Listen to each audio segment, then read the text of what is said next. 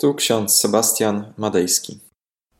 Dzisiaj jest sobota, 30 grudnia 2023 rok. W książeczce z Biblią na co dzień, pierwsza księga Mojżeszowa, 39 rozdział, 9 werset. Józef powiedział do żony Potifara, która chciała go uwieść: Jakże miałbym więc popełnić tak wielką niegodziwość i zgrzeszyć przeciwko Bogu? Oraz pierwszy list apostoła Pawła do Tesaloniczan, czwarty rozdział, siódmy werset. Nie powołał nas Bóg do nieczystości, ale do uświęcenia. Drodzy, dzisiaj teksty biblijne przenoszą nas do domu Potifara. Był on wysokim urzędnikiem faraona i dowódcą straży przybocznej. Można powiedzieć, że należał do społecznej elity starożytnego Egiptu. Był bardzo zamożny, miał wielu służących. Potifar pewnego razu na targu sam wybrał i kupił od Ismaelitów niewolnika, hebrajskiego młodzieńca Józefa. Potifar miał dobre oko i potrafił właściwie ocenić jakość człowieka. Widział, że coś jest w tym młodym człowieku. I faktycznie, w Piśmie Świętym czytamy, jak refren słowa się powtarzają: Pan był z Józefem, i dlatego wiodło mu się dobrze. Albo pomimo, że coś się wydarzyło, jak, jakieś przy, jakaś przykrość się zdarzyła Józefowi, to Bóg nadal był wierny Józefowi. Było to na tyle wyraźne, że Egipcjanin spostrzegł, że Bóg jest faktycznie z Józefem. Że to Bóg sprawia, że Józefowi dobrze się wiedzie. Czegokolwiek Józef się dotknie, to staje się przede wszystkim okazją do tego, aby zamanifestować Bożą wielkość. Potifar zaczął więc darzyć Józefa życzliwością. Stał się jego osobistym sługą. Potifar uczynił Józefa zarządcą swego domu. Oddał mu we władanie cały majątek. Józef miał także piękną postać i e, bardzo miły charakter a zarazem bardzo dużo miał sprytu i wiele zdolności. I to pojawia się pierwszy problem, ponieważ widać, że te role w domu Potifara są bardzo dziwnie rozłożone. Potifar jest człowiekiem bardzo zajętym, dlatego przekazuje pod zarząd cały swój majątek Józefowi.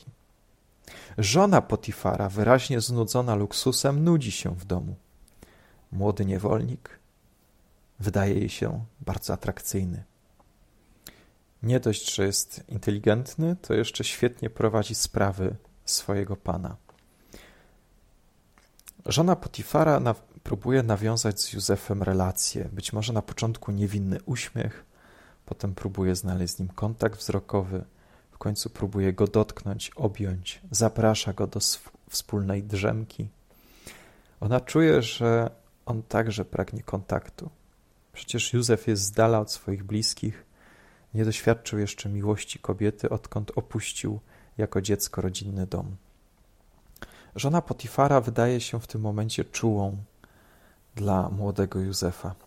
Jest samotna, mąż ją zaniedbuje. Ona również chce poczuć się na chwilę kochana. Jednak uwaga, pod pozorami jej pięknych słów jest tu próba gwałtu na młodym Józefie. Józef odmawia jej jasno i stanowczo. Był twardy jak skała, miał serce, które potrafiło płakać i rozumiał rodzinne stosunki. Wiedział, czym może skończyć się właśnie zazdrość czy konflikt między bliskimi sobie osobami. Myśl o wierności i nietykalności małżeństwa były dla niego e, oczywiste. W tej krytycznej chwili Poznał, że to już nie wystarczy do zwycięstwa nad pokusą. Postanowił uciec. Zostawił wtedy swój płaszcz. Głęboko urażona duma i zawiedziona, namiętna miłość pani domu rodzi silny ból. Kto byłby w stanie opisać ten stan jej ducha? Kiedy myślała, że spełni się jej życiowe marzenie, została znowu sama.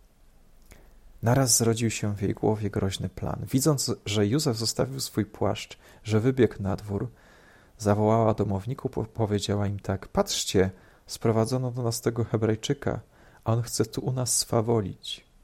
A gdy tak krzyczałam głośno, zostawił u mnie swój płaszcz i pośpiesznie wybiegł na dwór. Z tym widzimy, że kobieta, której grzeszna miłość zostaje odrzucona, przygotowuje straszną zemstę. Ona zaczyna oskarżać Józefa o gwałt. Jednak pomimo, że Józef trafia do więzienia później, to Bóg pozostaje Józefowi wierny. Potem Bóg ratuje Józefa z więzienia. Bóg jest wierny tym, którzy trzymają się Jego prawa. Bóg jest wierny tym, którzy kierują się zasadami. Bóg jest wierny tym, którzy postępują przyz przyzwoicie. A czy my postępujemy w życiu przyzwoicie? Czy też kierujemy się, no właśnie, jakimiś złymi intencjami? Może bardziej egoistycznie obchodzimy się z innymi ludźmi? Zastanawiające jest w tej historii to, na ile e, zaniedbanie pewnych spraw rodzinnych spowodowało aż tak daleko idące konsekwencje, że Józef trafia do więzienia, a był człowiekiem niewinnym. W ten sposób jest zapowiedzią Chrystusa, ponieważ spadają na niego konsekwencje e, czynów ludzi, a on sam był w tym niewinny. Zatem zastanawiające jest też to, na ile my w naszym życiu, czy przypadkiem kogoś nie krzywdzimy, czy przypadkiem nie zaniedbujemy jakichś spraw rodzinnych, warto jest się nad tym zastanowić. Amen. Pomódlmy się. Wszechmogący, miłosierny Panie, Ty powołałeś nas do uświęcenia. Spraw łaskawie poprzez Ducha Twego Świętego, abyśmy potrafili naśladować Syna Twojego Jezusa Chrystusa, a zarazem kierować się w życiu czystą miłością do innych ludzi. Nie pozwól, Panie, abyśmy zapominali o tym, że jeżeli krzywdzimy kogoś, to tak naprawdę też grzeszymy przeciwko Tobie. Amen. A pokój Boży, który przewyższa wszelki rozum, tak niechaj strzeże serc naszych i myśli naszych w Panu naszym Jezusie Chrystusie ku żywotowi wiecznemu. Amen.